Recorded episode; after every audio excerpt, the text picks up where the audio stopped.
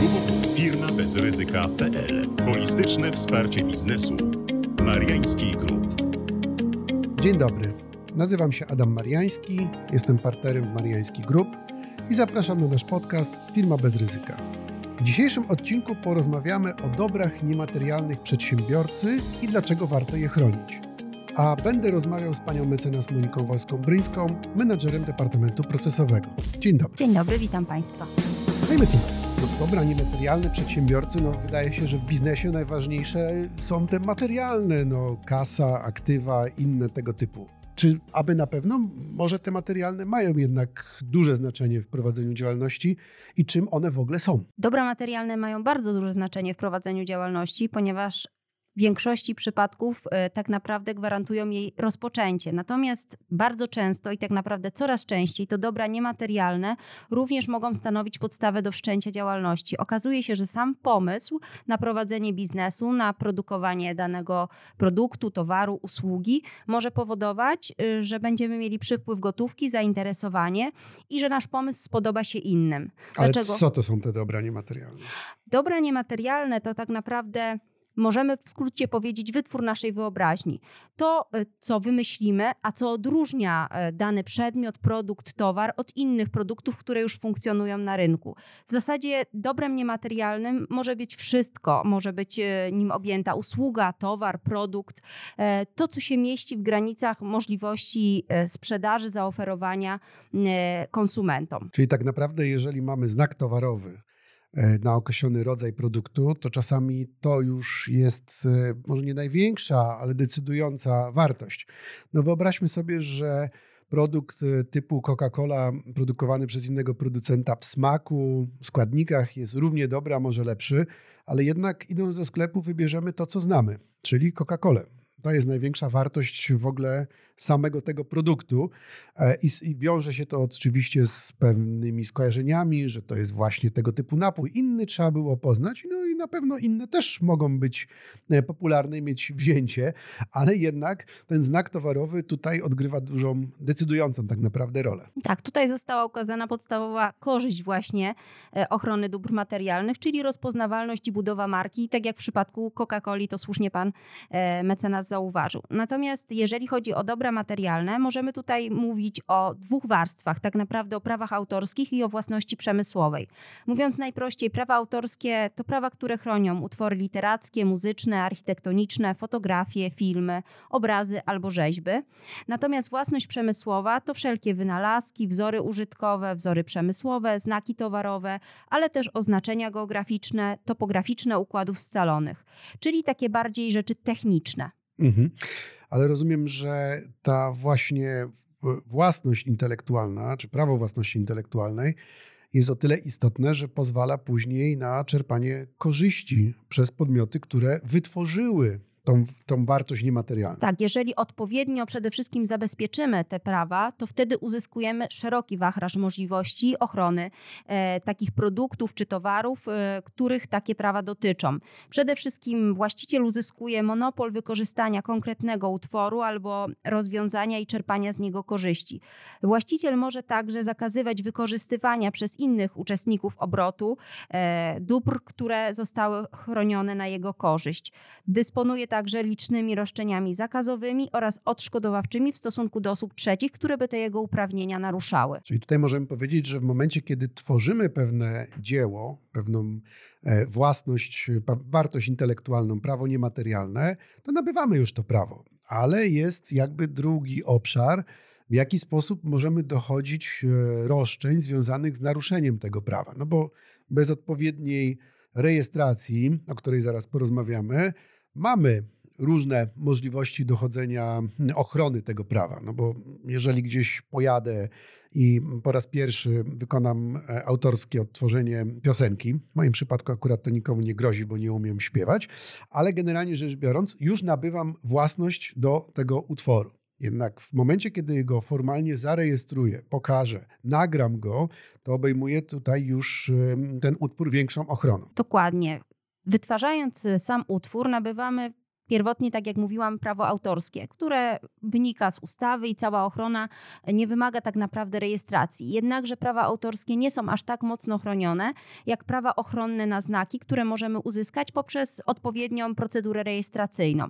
Ta procedura gwarantuje nam nie tylko to, że konkurencja nie będzie mogła skutecznie e, korzystać z naszych znaków, a my będziemy mogli walczyć z takimi naruszeniami w sposób e, bardziej e, wiarygodny i w sposób bardziej trwały. Natomiast przede wszystkim też powoduje to, że w takich sytuacjach, kiedy dojdzie do naruszeń, my będziemy też mogli skorzystać z prawa sprzeciwu albo z prawa unieważnienia znaku tym podmiotom, które będą próbowały tych naszych praw naruszać, te nasze prawa naruszać. To tutaj możemy sobie też jakby mm, sprecyzować, że tym znakiem towarowym to nie jest, bo tutaj mówiłem o Coca-Coli, prawda, ale to nie jest sama tylko, samo określenie słowne Coca-Cola, tylko cała kompozycja, którą e, używają. E, to oczywiście dotyczy wszystkich innych znanych e, nam powszechnie znaków, jak na przykład Apple, tak? To, to nie tylko chodzi o tą nazwę, tylko również o jabłuszko. Więc można powiedzieć, że rysunek mm, z wyrazem jakimś, kompozycja, kolory, forma, która jest używane, to wszystko wpływa na znak towarowy. I nawet jeżeli ktoś nazwie inny produkt i kompletnie inaczej, nie będzie to Coca-Cola, tylko Fritz Cola na przykład, ale kompozycja będzie bardzo przypominała Coca-Colę, to w momencie, kiedy jest zarejestrowany znak towarowy, będziemy mogli dochodzić również ochrony w tych obszarach. Dokładnie. Jeżeli chodzi o znaki, to mamy różne rodzaje znaków. Mamy znaki słowne, słowno-graficzne, graficzne. Najbardziej popularne są teraz właśnie, tak jak wskazał tutaj e, pan profesor, znaki łączone, czyli słowno-graficzne, a więc nie tylko sama nazwa, ale i też wizualizacja tej nazwy. I tak naprawdę znak taki ma służyć odróżnieniu towarów jednego przedsiębiorstwa od towaru innego przedsiębiorstwa. I to jest podstawowy, podstawowa funkcja, jaką znak powinien pełnić, e, jeśli chodzi o znaki towarowe. I tutaj rozumiem, że tą rejestrację możemy dokonać e, zarówno na poziomie krajowym, jak i międzynarodowym. Szczególnie ważne jest to w tej chwili, kiedy duży import odbywa się z Chin ponieważ musimy pamiętać o tym, że za naruszenie znaków odpowiadają nie tylko producenci, ale też importerzy. I jeżeli znak nie jest odpowiednio zarejestrowany w systemie unijnym, krajowym, międzynarodowym, e, to często dopuszczenia e, naruszenia tych znaków właśnie mają miejsce w Chinach, ponieważ odbywa się to często tak, że twórca znaku zleca do Chin produkcję, tam e, przekazuje projekty dotyczące danego towaru czy produktu i często e, firma produkująca w Chinach, która nie ma zakazu jakby na, na, obszarze Chin rozprzestrzeniania tego znaku, proponuje te projekty innym nabywcom. I tutaj warto też e, nie tylko poprzez rejestrację zabezpieczyć swoje prawa, ale także poprzez odpowiednie umowy z producentem. Chodzi o wyłączność między innymi, o zakaz oferowania e, naszego produktu albo naszych e, praw wynikających z znaku i używania tego znaku innym podmiotom. No tutaj akurat może nie w zakresie samego znaku towarowego, ale bardziej wzoru użytkowego. Przypomina się, jak mi się taka sytuacja, jak nasz klient był na targach w Europie, targach obuwia i w pewnym momencie zobaczył, że Chińczyk e, namiętnie fotografuje jego buty, na których chodził. E, chodziło o to, żeby te modele, jak najwięcej zebrać modeli, a potem je skopiować i wyprodukować w Chinach, oczywiście pod inną marką, bo po co wydawać środki na projektowanie? Można po prostu ten, tą właśnie e, własność intelektualną, ten wytwór nasz ściągnąć sobie w ten sposób, żeby de facto skopiować w tej lub podobnej wersji. Oczywiście tutaj jest problem bardziej skomplikowany, jak to dochodzić w przypadku butów i wzoru użytkowego, bo jak wiemy, buty są w miarę podobne, oczywiście w tym samej kategorii. No jakieś szczegóły jednak tam mogą być. Natomiast w wielu produktach, y, które tworzymy, no te podobieństwa mogą występować, ale właśnie znak towarowy będzie tym wyróżnikiem, który pozwala konsumentom wybierać już znany produkt od znanego producenta i dlatego on ma też taką dużą wartość. No tutaj właśnie duże znaczenie ma ten renomowany znak, który szczególnie wyróżnia te towary renomowane o powszechnej e, znajomości. Natomiast warto wspomnieć o takich dużych producentach i takich dużych twórcach, którzy bardzo chronią znaki i szczególnie walczą z konkurencją. Dla takich przykładów można podać Disneya. To jest jedna z bardziej znanych marek, która szczególnie chroni tych praw i, i walczy z konkurencją właśnie e, o naruszenia wszelkie z zakresu tak, ich praw. w Polsce mhm. swego czasu i to nawet y, tutaj pod Łodzią e, były bardzo popularne właśnie takie roszczenia w stosunku do producentów odzieży, którzy nie przejmowali się i na koszulkach różne e, wytwory Disneya z różnych filmów chociażby e, były zamieszczane, bo koszulka ze Spider-Manem o wiele lepiej schodziła niż z jakimś innym wytworzonym stworzeniem czy postacią, o której nikt nie wiedział, kto to jest, w jakim filmie mógł występować. No dobrze, ale to skoro już wiemy, jak ważna jest ta ochrona, to trzeba sobie tutaj powiedzieć, że nie zawsze, nie wszyscy przedsiębiorcy w odpowiednim momencie podejmują odpowiednie kroki, żeby ochronę nabyć przez rejestrację. Zatem pytanie mam takie, czy to trudno jest uzyskać taką ochronę, jak to przebiega i mm, do jakiego właściwie urzędu, podmiotu powinniśmy takie wnioski składać? Teoretycznie, jeżeli chodzi o samo złożenie wniosków i dane, jakie zawiera wniosek, nie jest to e, dość trudne i skomplikowane. Natomiast warto jednak skorzystać z fachowca. Tutaj w szczególności, jeżeli mamy e, do zarejestrowania znak towarowy, e, Dużą pomocą może się okazać rzecznik patentowy, który ma doświadczenie techniczne, ponieważ istotnym tak naprawdę przy zgłoszeniu i złożeniu takiego wniosku jest odpowiednie opisanie tego znaku, który chcemy zarejestrować. Czasami jest to dość skomplikowane i tu warto jednak skorzystać z pomocy specjalisty. Poza tym uiszcza się tylko opłatę urzędową i wniosek jest pod względem formalnym e, badany, czyli czy ma wszystkie elementy wynikające z formularza i czy właśnie taka opłata została uiszczona. No to potem po rejestracji rozumiem, że również jest informacja mm, zamieszczana w odpowiednim biuletynie Urzędu Patentowego. E, jeżeli chodzi o krajową rejestrację, mamy również rejestrację unijną e, i to może też pani mecenas zaraz powie. Ale to, to ja mówię o tym też w takim kontekście, żebyśmy zwrócili uwagę, bo może się okazać, że nasza konkurencja, nasz czy podobny do naszego znak towarowy właśnie rejestruje.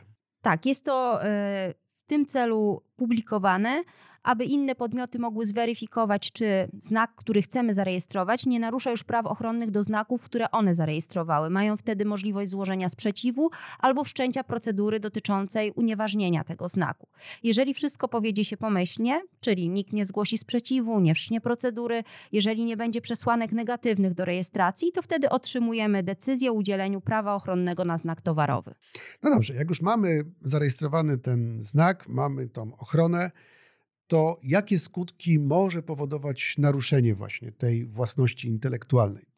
Jakie mamy możliwości ochrony czy też dochodzenia jakiegoś odszkodowania lub innych roszczeń? Przede wszystkim oczywiście postępowanie i proces cywilny, jeśli chodzi o prawa autorskie i to chyba jest takie najbardziej e, rozpowszechnione i znane, ale także pod względem wzorów możemy również z tej procedury skorzystać. Oprócz tego, tak jak wspomniałam, na etapie rejestracji mamy procedurę sprzeciwu. Możemy też skorzystać z procedury unieważnienia znaku, jeżeli to konkurencja właśnie będzie próbowała zarejestrować znak podobny do naszego, który już funkcjonuje w obrocie.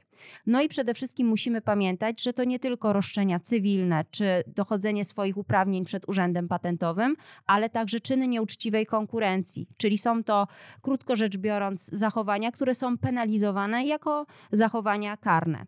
Do takich przykładowych czynów nieuczciwej konkurencji możemy zaliczyć oznaczenie przedsiębiorstwa wprowadzające w błąd, albo naruszenie tajemnicy przedsiębiorstwa, czy chociażby utrudnianie dostępu do rynku, nieuczciwą reklamę, sprzedaż premiowaną, organizowanie systemów sprzedaży lawinowej. No, to widzimy, że tutaj roszczeń troszkę mamy. W zależności oczywiście z jakim naruszeniem mamy do czynienia, no bo to w przypadku każdego e, naszego wytworu, naszego utworu, własności intelektualnej mogą być różne skutki, a tym samym różne roszczenia nam będą przysługiwały. Ale proszę Państwa, w podcaście nie jesteśmy w stanie wszystkich tych elementów omówić. Chcieliśmy tylko zasygnalizować e, tutaj mm, zagrożenia dla przedsiębiorców, którzy nie chronią swojej własności intelektualnej, ale również korzyści dla tych, którzy takie działania podejmują. Więcej mogą Państwo posłuchać, obejrzeć na webinarium, które odbyło się 7 września w naszej kancelarii ale dostępne jest na naszym kanale, czyli Mariański Group, na YouTubie.